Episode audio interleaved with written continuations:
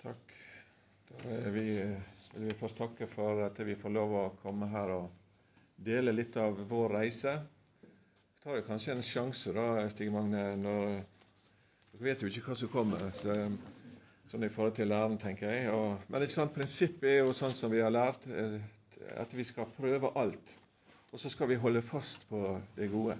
Vi skal ikke prøve alt og så bare la det ligge, men vi skal holde fast på det gode. Så det var bønn at Den hellige ånd skal få um, tale til deg, til hver enkelt av oss.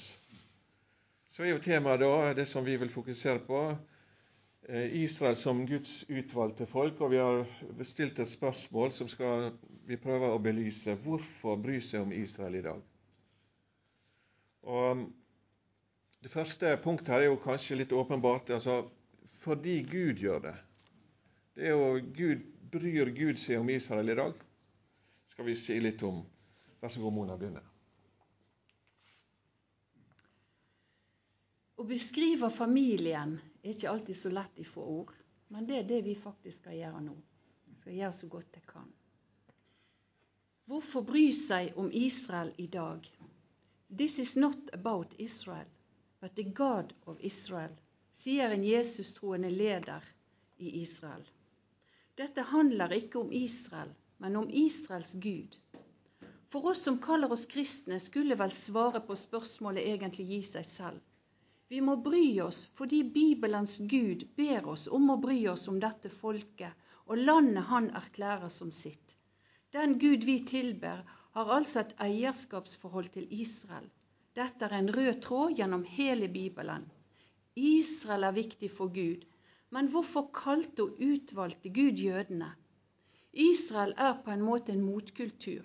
Gud valgte Israel før en eneste jødisk person eksisterte, til å være et spesielt folk han kunne bruke til å påvirke og ha innvirkning på nasjonene. De skulle være hans instrument til åpenbaring for alle andre folk og nasjoner som levde på avstand og borte fra Skaperen. Gud valgte jødene fordi han elsket hedningene. Israel ble til som en motpol til nasjonene som drev med avgudsdyrkelse.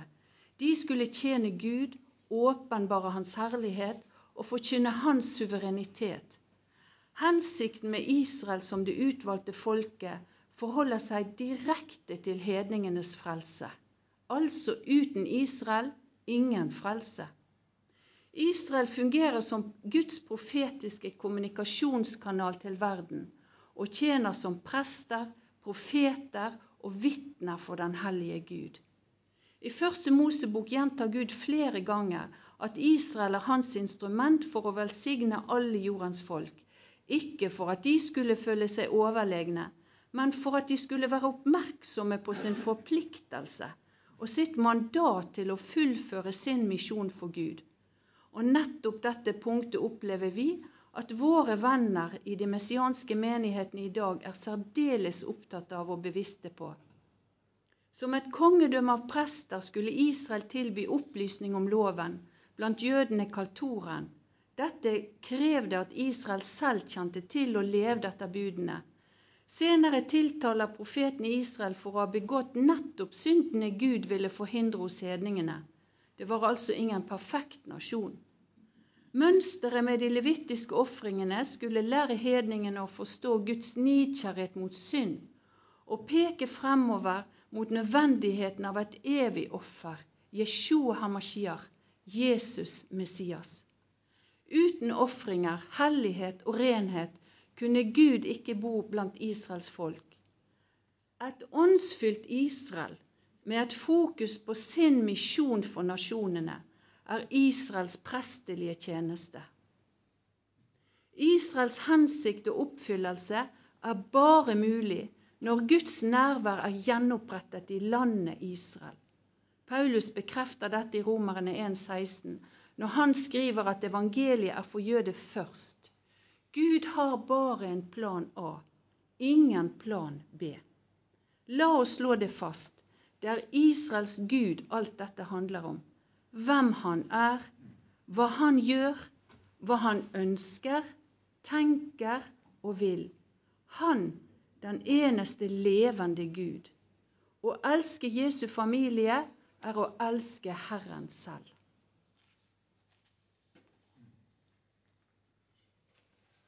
Ja, hvorfor bry seg om Israel i dag? Det er jo i grunnen ganske enkelt, for det står jo ganske svart på hvitt i, i, Bibelen. Og teksten fra første Mosebok 12, så, så, står det jo 'Jeg vil velsigne dem som velsigner deg, og den som forbanner deg, vil jeg forbanne'. Og også i Salmene 122 så står det 'Be om fred for Jerusalem'. Må de som elsker deg, leve trygt. Det er jo eh, på en måte litt vanskelig å komme unna det. ikke det? Det står jo så svart på hvitt at vi skal bry oss om Israel i dag. Så kan jeg diskutere om det er politiske Israel og land og alt dette her, men eh, Israel som Guds utvalgte folk, det, det, står fast. Og Så vil jeg jo si det, Her er jo på en måte tre grunner her til å, til å gjøre det i dette verset som vi leser fra 1. Mosebok 12. Altså, Der er en gulrot, en velsignelse, men det er også en pisk, en forbannelse. Og Så kan en jo selvfølgelig velge å, å gjøre dette her i, i ren lydighet. Guds ord er det må vi være lydige mot, og så gjør vi det. Også. Det er det motivasjonen vår. Men jeg tenker ja, Kanskje vi kan spørre oss hvorfor gjør vi det? Hva er din motivasjon for å gjøre det? Og jeg tenker jo det at det er jo mye bedre å ha noe positivt enn gulrot. Velsignelsen, hva er det? Trenger vi den? Som menigheter, som folk, som land, som enkeltpersoner. Velsignelsen. Det høres liksom litt sånn Hva er velsignelse? Er det bare en sånn bonus eller en sånn god følelse på slutten av dagen? Eller er det, er det noe mer? Jeg tror det ligger mye i å ha være i Guds velsignelse. Jeg tror faktisk det kan være um, forskjellen på å lykkes og ikke lykkes. Så jeg vil bare oppfordre til la oss strekke oss etter velsignelsen. Det er ikke å være egoistisk. Du tar ikke den fra noen andre. Her kan du bare bruke albuene mer du greier. Få tak i Guds velsignelse. Det er viktig. Ok, så skal vi som neste punkt skal vi se litt på, bare sånn skjematisk kanskje, hva er konsekvensene av at Eller en del konsekvenser av at Israel er Guds utvalgte folk. Og Det første jeg vil nevne, er jo at det, det er jo klart Bibelen handler jo om jødene på sett og vis. Eller Gud åpenbarer seg gjennom historien til jødene hele Gamle testamentet og store deler av Nye testamentet så handler det om jødene. Men vi møter Gud. Så uten dette folket kunne vi da møte Gud? Altså Vi møter Gud sin storhet, sin, hans nidkjærlighet, hans trofasthet, hans kjærlighet. Så det er jo litt viktig da å på en måte forstå, kjenne, ha kontakt med jødene i dag for å forstå hvem er Gud. Og så er det jo Bibelen er jo mer enn en gudsåpenbaring. Det er jo normen for vår tro og lære. Hva som er rett og sant. Det er fasiten, dere. Fasiten er viktig. Skal vi skjønne fasiten, så trenger vi å kanskje litt hjelp fra jødene i dag. Vi skal komme tilbake til det så er jo også dette med utvelgelsen, jo, eller jødene sin, sin rolle, det er jo bakteppet for hovedpersonen som kommer, Jesus. Men så det, slutter det jo ikke med det. Også i tiden som kommer, og fram mot endetiden, så har jødene en rolle. Det virker ganske tydelig ut ifra Bibelen. Og Da er det jo litt greit eller lurt eller jeg vet ikke hva, å kanskje ha det klart for seg. Altså, Jødene er viktige også for tiden som kommer. Skal vi følge med på det, så trenger vi kanskje å, å kjenne til litt mer. Så jeg har lyst til å trekke fram en, en ting. Altså, det er jo åpenbart at eh, når vi ser på historien? Jødene er blitt forfulgt. Jødene har betalt en høy pris for at vi kan sitte her i dag. Altså, Forfølgelsen av jødene er jo ikke bare holocaust. Holocaust er jo bare ett kapittel i en hel bok av forfølgelse. Altså Fienden har prøvd opp gjennom helt ifra verset i første Mosebok, helt ifra Gud talte til Abraham, så har fienden prøvd å utrydde jødene. Klarer han det, da er vi jo sjakkmatt. Da er jo alt bare en illusjon. Vi må jo innrømme det. Og Det blir jo litt viktig at de jødene Skal vi hjelpe Gud, dere, til at jødene ikke blir utrydda? Jeg tror det er viktig at vi er på lag med Gud. Jeg tror Gud vil bruke oss i det. Men dette her er en åndskamp i dette, det, det syns jeg er, er åpenbart. Mona, du fortsetter. Israels kall, et lys for nasjonene og en velsignelse på jorden. I Jesaja-boken står det om at Gud vil gjøre sitt folk til et lys for hedningene, for at min frelse må nå til jordens ender. Før Jesus ble tatt opp til himmelen, bekrefter han dette kallet, og dere skal være mine vitner, både i Jerusalem og i hele Judea og Samaria og like til verdens ender. Det jødiske oppdraget er verdens frelse. Hedningene er alle folkeslag utenfor Israel. Vår vei til Gud går direkte og kun gjennom Abrahams etterkommer Messias. Israel er de naturlige greinene der sevjen fra Gud flyter. Sevjen tjener som næring til vekst og utvikling. Uten savje fra roten dør greinene, også de som blir podet inn. Hele Israel skal bli frelst. Dette bringer Jesus tilbake til jorden. For jeg sier dere, fra nå av skal dere ikke se meg før dere sier velsignet er Han som kommer i Herrens navn.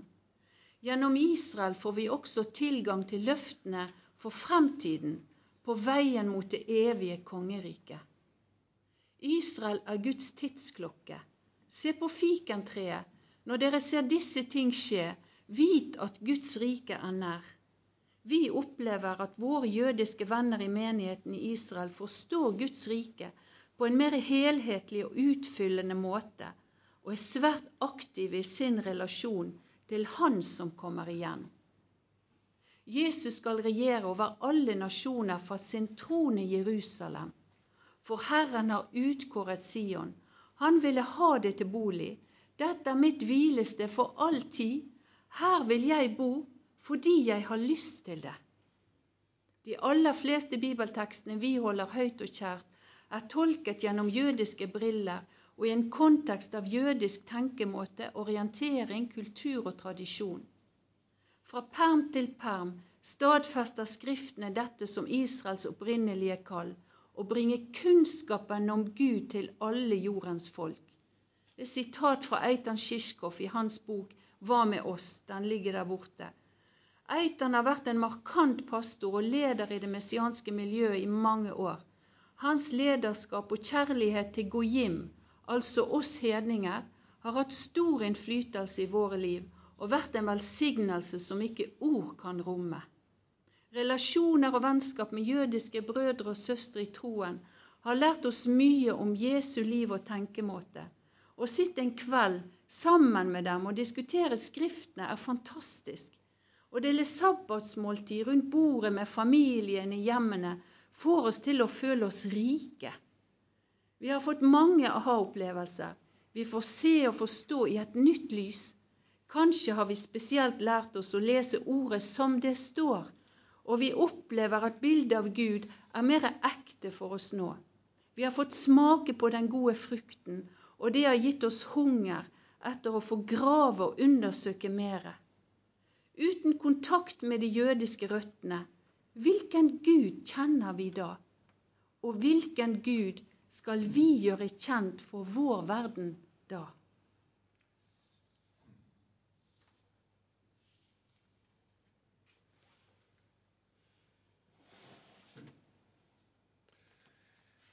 Hvor godt kjenner du Jesus?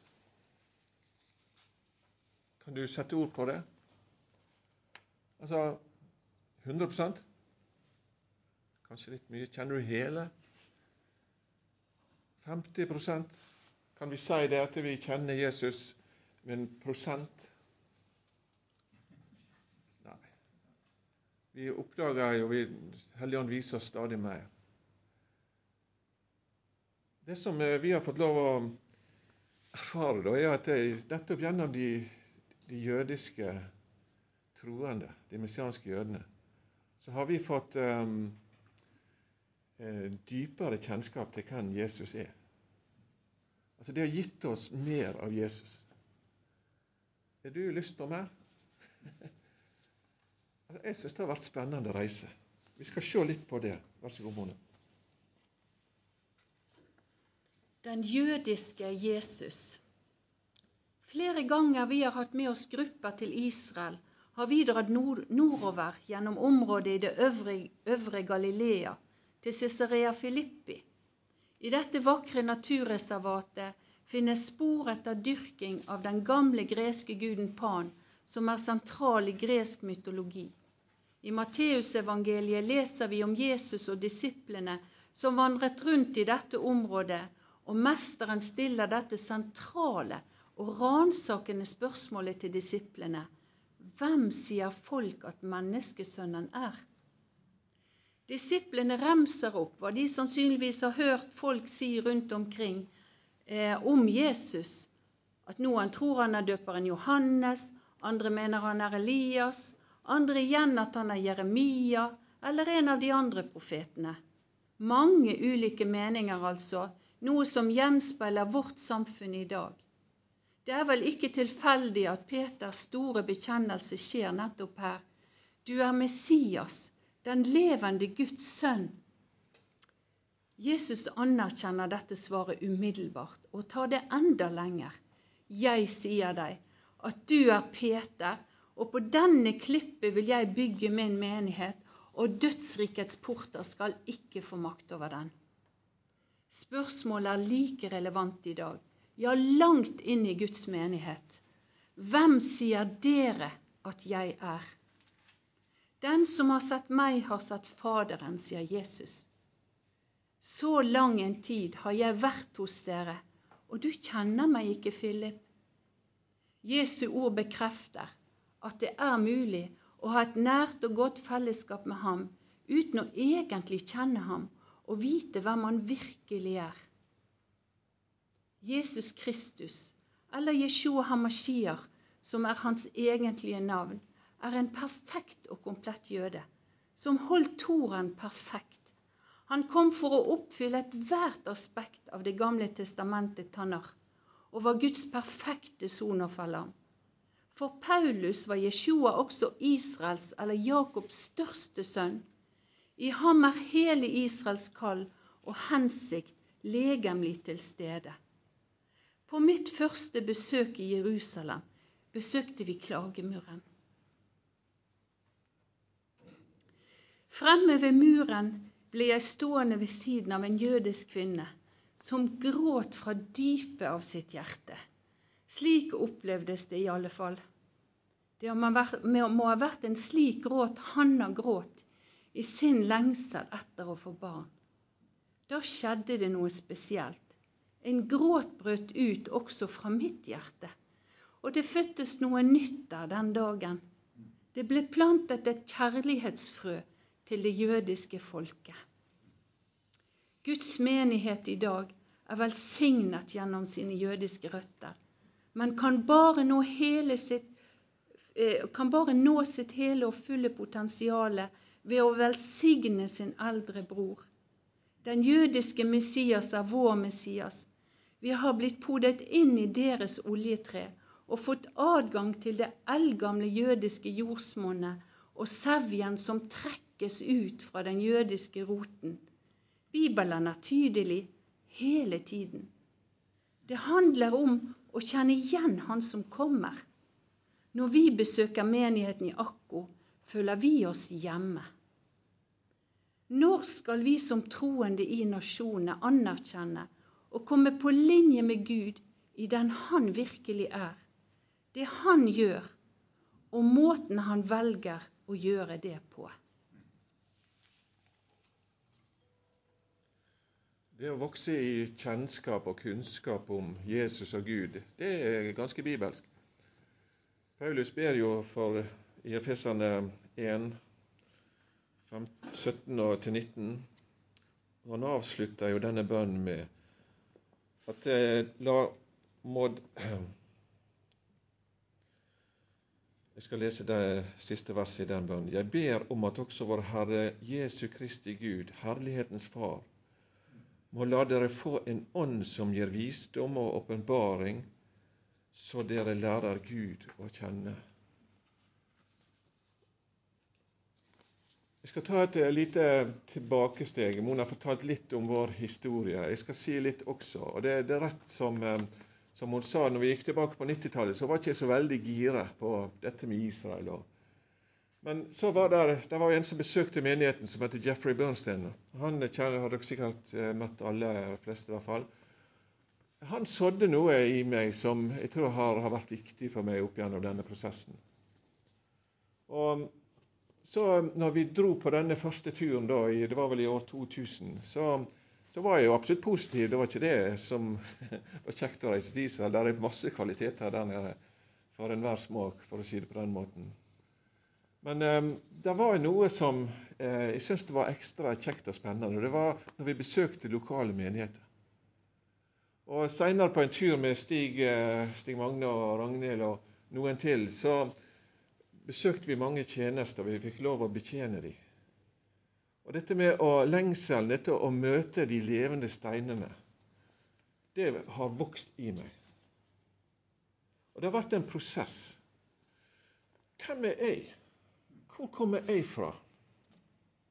Jo da, jeg er sunnmøring egentlig, og har fire, fem, seks generasjoner med troende bak meg. Og jeg har mye å være takknemlig for, og kanskje til og med litt oppreist. Men hva er nå det? Hvor kommer jeg fra?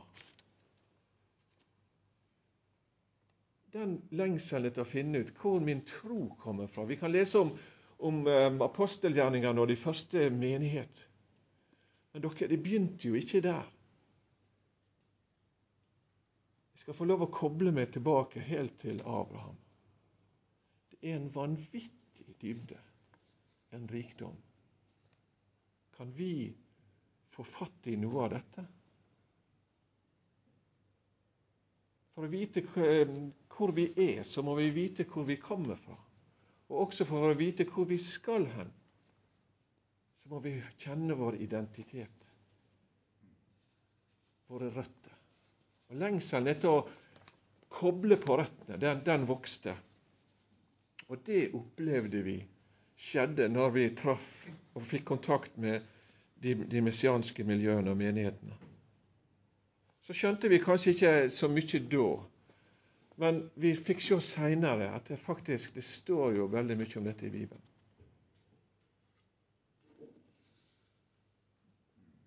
Men tilbake til, til hvorfor altså Vi skriver her at det, det messianske en snarvei til dypere Jesus kunnskap. Altså Det er jo klart det Når du er jøde, så har du en fordel sammenlignet med oss. Når du leser Bibelen. Det er klart det. Det er jo de er skrevet ut ifra deres eget, egen kultur, deres egen tradisjon, deres egen identitet. De er på en måte på innsiden. Så kan jeg si det er et langt tidsspenn, ja. Men er det noe jødene var gode på, så er det å ta vare på den koblingen og som går over lange tider. Det at de er blitt bevart som folk. Så er det jo sånn at Blod er vel tjukkere enn vann, også her kanskje. Er ikke det noe godt bergensuttrykk? Men det, vår erfaring var jo at eh, når vi var sammen med dem, når vi hørte på deres undervisning, så, så, så, det, så fikk vi gjerne noe nytt. Hvordan kan jeg forklare det? Altså, Var det et nytt evangelium? Nei, det var jo ikke det. Frelsen var jo den samme. Det, ikke, det er ikke et tillegg. Men det var kanskje noen flere farger, noen flere detaljer, noen flere ting som gjorde at bildet ble rikere. Så Bare ta et eksempel. Eh, altså når, når eh, Jesus skulle bli født, så kom engelen og så snakket han med Maria. Og så introduserer han Jeg spurte vel ikke om lov, kanskje, men at du skal bli med barn og føde en sønn. Han skal være stor og kalles den høyeste sønn, og Herren Gud skal gi ham hans fars Davids trone. Han skal være konge over Jakobs hus til evig tid, og det skal ikke være ende på hans kongedømme. Altså, hva betyr det? Altså, vi hører av og til at det, er ikke at jødene de skjønte jo ingenting. Altså, Jesus kom, og de trodde han skulle fri dem fra romerne, men det var jo helt feil. Han skulle jo frelse verden. Men var det feil? Så var engelen her, sa han feil? Altså, dette er jo sitat fra profetiene. Kanskje er det et både-og her, ikke bare enten-eller. De tok feil, vi hadde rett. Det handlet om frelsen. Det er kanskje noe mer, og det er kanskje ikke skjedd ennå. Jeg tror vi må åpne opp sånn at vi, vi ser litt mer Ja, kanskje det er noe mer. Og Det er noe av vår erfaring. og den, Det at det der stadig er um, nye aspekter. Det er en bok eh, som ligger på det som heter 'Who at Lunch with Abraham'. Det er Asherin Traiter som skriver den. og Han er eminent på akkurat dette der. Ja da, dere, har, dere fra nasjonene, sier han. Han kaller ikke oss hedninger. Det er liksom litt nedværingen ut. Dere fra nasjonene, dere har selvfølgelig skjønt frelsen. Men det er noe mer, sa han. Der er noe, og det er noe dere har mista. Så kommer han med en godbit. Helt fantastisk. Nei, det, det må bare eh, det anbefales på det sterkeste. Ok. Så ba vi under fornyelsen eh, for 20-30 år siden mer, mer. Hellige kom, kom, fyll meg. Mer av Jesus. Og vi var ivrige i tilbedelsen. Og det var godt. Det var veldig godt. Noen slengte tilbake? Eller er vi der enda? Har det endra seg? Jeg fikk en liten aha-opplevelse her for litt siden når jeg begynte å tenke på akkurat dette der. Og så, jeg var jo den typen som gjerne var først frem til forbønn, og så sto jeg der og så kjente jeg ingenting. Men jeg ga meg ikke. Prøvde i neste gang og året etterpå, hele tiden. Men er ikke den følelsestypen, da. sant? Så kan jeg jo se tilbake og si at ja, det skjedde jo noe med meg også, men det skjedde på en litt annen måte. Men så har jeg fått se nå i det siste at ja, mer Gud. Mer Jesus. Gud har svart på de bønnene i dag gjennom jødene for meg. Gjennom de messianske jødene så har de fått mer av Jesus. Det er fantastisk. Ok. Vi skal gå videre. Vi kommer kanskje ikke helt utenom det når vi snakker om at jødene er Guds utvalgte folk. Er det litt vondt? Hvorfor de og ikke oss? Sjalusi, stolthet. Vi har lyst til å si litt om det. Mona først. Antisemittisme i kirken. Guds kall til Abraham har vært en blandet velsignelse for jødene. Under Guds overnaturlige beskyttelse har det jødiske folket overlevd, men de har også måttet tåle menneskenes uhyrlige vrede. Helt siden Abraham fikk kallet, har Satan satt alt inn på å utrydde denne familien og dermed ødelegge Guds plan. Antisemittismen er fortsatt det mest langvarige og det dypeste hatet i menneskets historie. Hva er årsaken til dette? Hvorfor har jødene vært et mål for forfølgelse, diskriminering og utenforskap så å si hvert eneste århundre, inkludert i kirken i dag? Når vi reiser på tur til andre nasjoner og byer, oppsøker vi gjerne steder som forteller noe fra jødenes historie der. For noen år siden besøkte vi Granada, et område som er knyttet til den spanske inkvisisjon. En forferdelig og grusom historie om kirkelige domstoler under kongelig kontroll og deres overgrep mot det utvalgte folket. Vi besøkte bl.a. en liten jødisk sefardisk synagoge som nå er gjort om til museum. Der var det utstilt en kopi av keiser Konstantin sitt brev eller dekret rettet til kirkemøtet i Nikea i år 325. Han var selv sentral i å utforme den nikenske tro, eh, trosbekjennelse. Det avskyelige er åpenbart. Alt som kunne knyttes til jødene, skulle tas avstand fra, og gjennom sterk antisemittisk ordbruk ble det lagt føring for at Kirken skulle innføre sitt eget tidspunkt for feiring av påskehøytiden, slik at Kirken sitat, ikke på noen måte skulle være i berøring med jødene. Punktum. Et annet museum var fylt av torturredskaper som ble brukt mot jødene for å få dem til å konvertere til den kristne tro. Har vi som kirke i dag beveget oss bort fra originalen, det opprinnelige? Et annet år reiste vi gjennom hele Østpolen og grenseområdene der for å kunne kjenne mer på kroppen de lidelsene som det jødiske folket opplevde gjennom holocaust. Vi har ikke tall på hvor mange leirer, massegraver, jødiske gravsteder og minnelunder vi har besøkt. Gruppen bestod av jøder og folk fra flere nasjoner. Hvorfor gjør vi dette? Jo, for å få del i og lære mer om Guds hjerte for sitt folk og sitt land, og prøve å forstå mer om hva det hele handler om. Kunne stå skulder til skulder med det jødiske folket i deres prøvelser. De har blitt hoggestabben vi har fått del i deres løfter og deres arv helt uten forbehold. Guds perspektiv er evigheten og å fullføre den planen han har bestemt. Vi ønsker å være delaktig fra innsiden. Jesus gråt over Jerusalem. Vi tror at vi som troende i nasjonene har et kall til å stå sammen med det jødiske folket i deres kamp. Særlig gjelder dette de Jesus-troende jødene i menigheten i Israel i dag. Vi erkjenner at vi skylder dem det.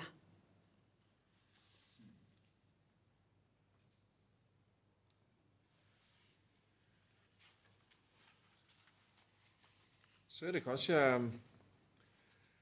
litt naturlig at vi som først ikke gjør det, da, at vi kjenner på litt sjalusi? Eller er vi annerledes, vi som er her? Jeg tror det er ganske menneskelig å kjenne på sjalusi. En eller annen form for sjalusi. Vi misunner kanskje ikke forfølgelsen, men det at de er Guds utvalgte folk, det er jo noe flott, ikke det? Det er mange gjennom tidene som har på en måte prøvd å bli jøde, for de vil være utvalgt.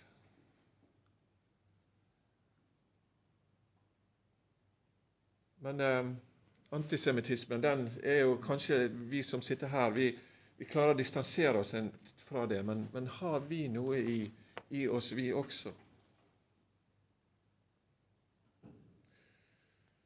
Hvem tror de at de er? Skal de lære oss noe? Nå har vi tatt vare på um, troen, kristendommen, i snart 2000 år. Jødene har jo vært praktisk talt vekke. Så har Kirken det videre gjennom oss, og så kommer de tilbake nå, og så skal de plutselig begynne å lære oss. Sjalusi føder motstand. Og motstand føder avvisning. Kanskje vi eh, Det er noe her vi trenger å sette ord på både i våre liv, i menighetene våre, som folk. Og kanskje vi skulle ta et oppgjør med det, bekjenne det og bli løst fra det.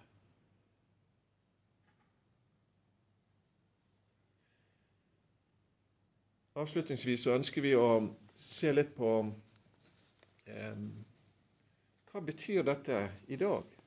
Gjennom hele vår reise så har det vært tydelig for oss at Nei, dette handler egentlig ikke bare om jødene og Guds utvalgte folk. Det handler også om, om Bergen. Det handler om Norge. Det handler om våre liv her. Det er en kobling. Og Den koblingen det har bare blitt tydeligere og tydeligere. Mona. Hvorfor ikke følge oppskriften som Gud har gitt oss? La oss slå det fast. Ingen kan lese Bibelen og benekte at Gud har en spesiell plan for den jødiske nasjon. Hele Bibelen vitner om Guds kjærlighet og trofasthet, og han bekrefter sitt ord gang på gang. Allikevel, Guds rykte står på spill i hans menighet i dag, og man kan nesten høre et ekko fra Edens hage. Har Gud virkelig sagt? Kristne rundt oss avviser i økende grad Israels betydning med en teologi som innebærer at Kirken mer eller mindre har overtatt Israels plass og løfter. Paulus tar et sterkt oppgjør med dette i Romerne kapittel 9-11. Om Gud skulle glemme sin pakt med sitt eget folk, vil det i så fall slå bein under hele grunnlaget Bibelen og vår tro er bygget på, og i så fall bety at han også kan si opp sin pakt med oss i nasjonene. En slik overbevisning strider mot Guds karakter og hele hans vesen, for han kan ikke fornekte seg selv. Mange strategier har til alle tider vært prøvd for å nå ut med evangeliet, og for å kunne få erfare Guds nærvær iblant oss på ulike måter. Mange troende har reist verden, til verdens ender for å bringe med seg kraften tilbake til sin menighet, uten at frukt nødvendigvis har blitt varig. Kan det være slik at om vi valgte Bibelens oppskrift om å elske jødene og gi evangeliet til Israel først, ville fruktbarheten blitt rikere? Det er i så fall det Paulus så sterkt uttrykker i Romerbrevet kapittel 11. Det er stor lengsel i menigheten i dag etter å få kjenne Gud på et dypere plan, og mange søker mange ulike steder for å finne svarene. Vår erfaring er at gjennom å så rikelig inn i fellesskapet med Jesu egen familie, de som bekjenner Jeshua sitt navn i dag, får vi adgang til en dyp og litt uforklarlig rikdom og velsignelse. Skriften blir mer levende, fokuset blir skjerpet, og brillene vi leser Guds ord med, har endret våre forestillinger om Gud og Hans rike til et mer autentisk og riktig bilde, tror vi. I Nehemjas bok leser vi en sterk historie om Jerusalem som blir bygget opp igjen etter jødefolkets eksil i Babylon. I tro og tillit til Gud ledet Nehemja arbeidet. Vi tror denne historien bl.a. er en strategi for målrettet bønn og at vi som tilhører Kristkirken, har en plass å fylle på Jerusalems murer i dag. Vi tror at det er en god strategi å be for Israel, slik Bibelen befaler oss, å be i tråd med Guds vilje, røre ved Guds hjerte og gi god frukt. Dette er veien til fred også mellom folkene i Midtøsten i dag, og vi vil være med på å bygge den bygningen som bygningsmannen bygger. Oppskriften er gitt i Bibelen, så hvorfor prøve å finne opp egne strategier? Hva så med araberne? Kan vi elske jødene og araberne samtidig? Gud elsker araberne, og der pågår mye forsoningsarbeid mellom troende jøder og troende arabere i dag. Jeg vil bare henvise til eh, denne fredsveien som er beskrevet i Esaias 19, spesielt de siste versene de krever egentlig en egen undervisning. Det er helt fantastisk. Eh, våre venner i Israel er i høyeste grad en del av dette og setter det høyt på agendaen. Jøder og arabere er i familie, og deres relasjoner og bånd er mye sterkere enn vi her i Vesten forstår. Vår datter Elisabeth var for noen år siden i to perioder i tjeneste på et av bønnehusene i Jerusalem. Der ble det født en stor kjærlighet til araberne i hennes hjerte, som ledet henne til arbeid blant syriske flyktninger i Jordan og nærområdene flere ganger. Hun jobbet som sykepleier på sykehus i nord, på klinikk for flyktninger i Amman og studerte arabisk et helt år der. Denne kjærligheten til araberne er fremdeles i henne, men også kjærligheten til det jødiske folk preger henne sterkt. Hva er oppskriften? Hun fulgte den bibelske oppskriften og startet med å få sin relasjon til Israel i orden først. Så kom det andre naturlig, som en god frukt. Ved å sette først det Gud setter først, vil vi bære frukt. Det er Hans løfte til oss. Etter hvert på reisen vår så fikk vi litt mer kunnskap og erfaring i møte med de messianske menighetene. Så ser vi at det, det, som vi nevnte tidligere også, det står faktisk ganske mye i Guds ord om dette med relasjon mellom oss som hedninger og de som jøder i Kristus. Paulus skriver i Efeserbrevet ganske tydelig om dette og kan, I kapittel 3 så snakker han om en hemmelighet.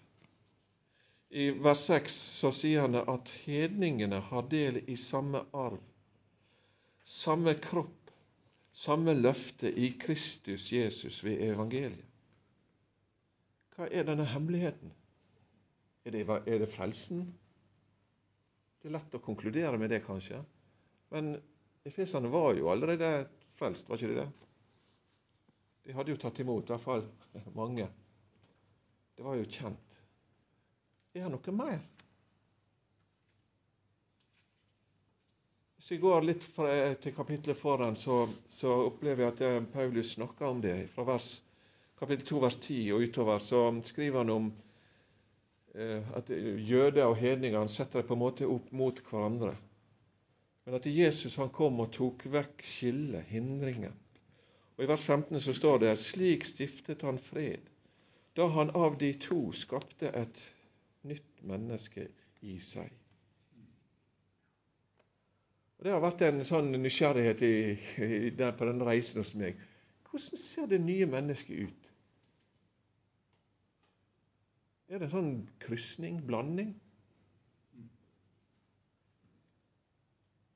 Altså, Hva funksjon har det? Altså, bare bruke et bilde som et menneske er jo ganske interessant. Er jo, altså, Mennesket er jo mye. Funksjon har det?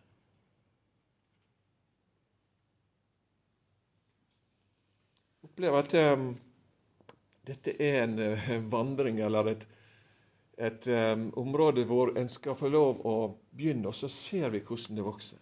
Et samspill et fellesskap. Og at det er en slags gjensidig avhengighet. Går vi til Romerbrevet 11, så, så, får vi kanskje litt mer svar på det. I vers 17 så står det noen av grenene er nå brukket av, og du som var en vill oljekvist, er blitt podet inn blant grenene og har fått sevje fra roten sammen med dem. På presentasjonen vår så har vi lagt inn et bilde av nettopp et oliventre. Vi ser at det treet har på en måte litt to, litt sånn to fargenyanser på stammen der. Jeg er også sikker på at det, det skyldes en innpoding en eller annen gang. Så har tiden gått. Så har det vokst sammen. Og så er jo det ja, kanskje litt vakkert. At det, det ser ut til at det omfavner hverandre. Det går i ett. Men det er likevel forskjellig. Jeg syns det er et vakkert bilde på noe av aspektene ved det nye mennesket. Det at vi er podet inn på deres tre.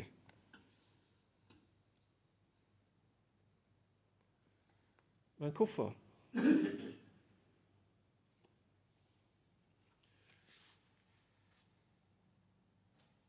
Jeg tok og laget et, et annet bilde. Her viser det to epletre.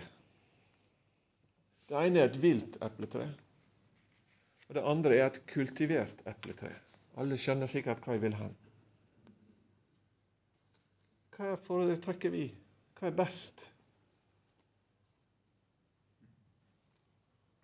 Og Så trenger du ikke være rakettforsker for å skjønne at det, hallo, det kultiverte er bedre.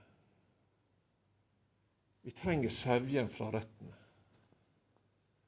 Det trenger vi i Bergen i dag. Dette er strategien. Ja da, vi kan få litt eple her og der. Men skal vi ha mange frelst, så trenger vi ganske mye sevje fra røttene for at det skal bli mye frukt. Så skriver jo Paulus også i Romerne litt lenger framme om denne av, gjensidige avhengigheten, strategien om du vil, i vers 11 og 12. Men ved deres fall er frelse kommet til hedninger, for å vekke Israel til nidkjærhet. Når deres fall har ført til rikdom for verden, og deres tap til rikdom for de andre folkene, hvor mye mer skal det ikke da bety at de kommer med i fulltall? Jeg ser en sirkel, en god kirke, en skrue, om du vil. Altså Deres forkastelse førte til at vi fikk ta imot. Når vi er lydige og velsigner de, så blir de enda flere og det kommer enda mer tilbake på oss. Og det løfter oss opp, som gjør at vi i enda større mål kan velsigne de. Og så skrues denne skruen opp på. Dette er strategi. Hvorfor er det så vanskelig?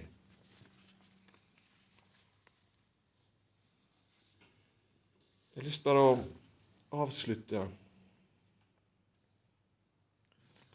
med Efesane 3. Paulus, han, eh, med bønnen til Paulus i Efesane 3. Kanskje den råeste bønnen i hele Bibelen. Tenk det. Altså Hvis vi går litt videre fra det som vi har snakket om, hemmeligheten i, i, i begynnelsen av kapittel 3, så ber Paulus. Og Han begynner denne bønnen i, i, vers 14 med 'Derfor bøyer jeg mine knær'. Altså Der er en, en sammenheng. Han knytter det til det som er foran. Og Kanskje er dette med det nye mennesket nøkkelen til å se denne bønnen oppfylt.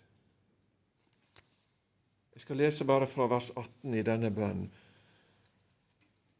Må dere, sammen med alle de hellige, bli i stand til å fatte bredden og lengden, høyden og dybden, ja, kjenne Kristi kjærlighet som overgår all kunnskap må dere bli fylt til hele Guds fylde.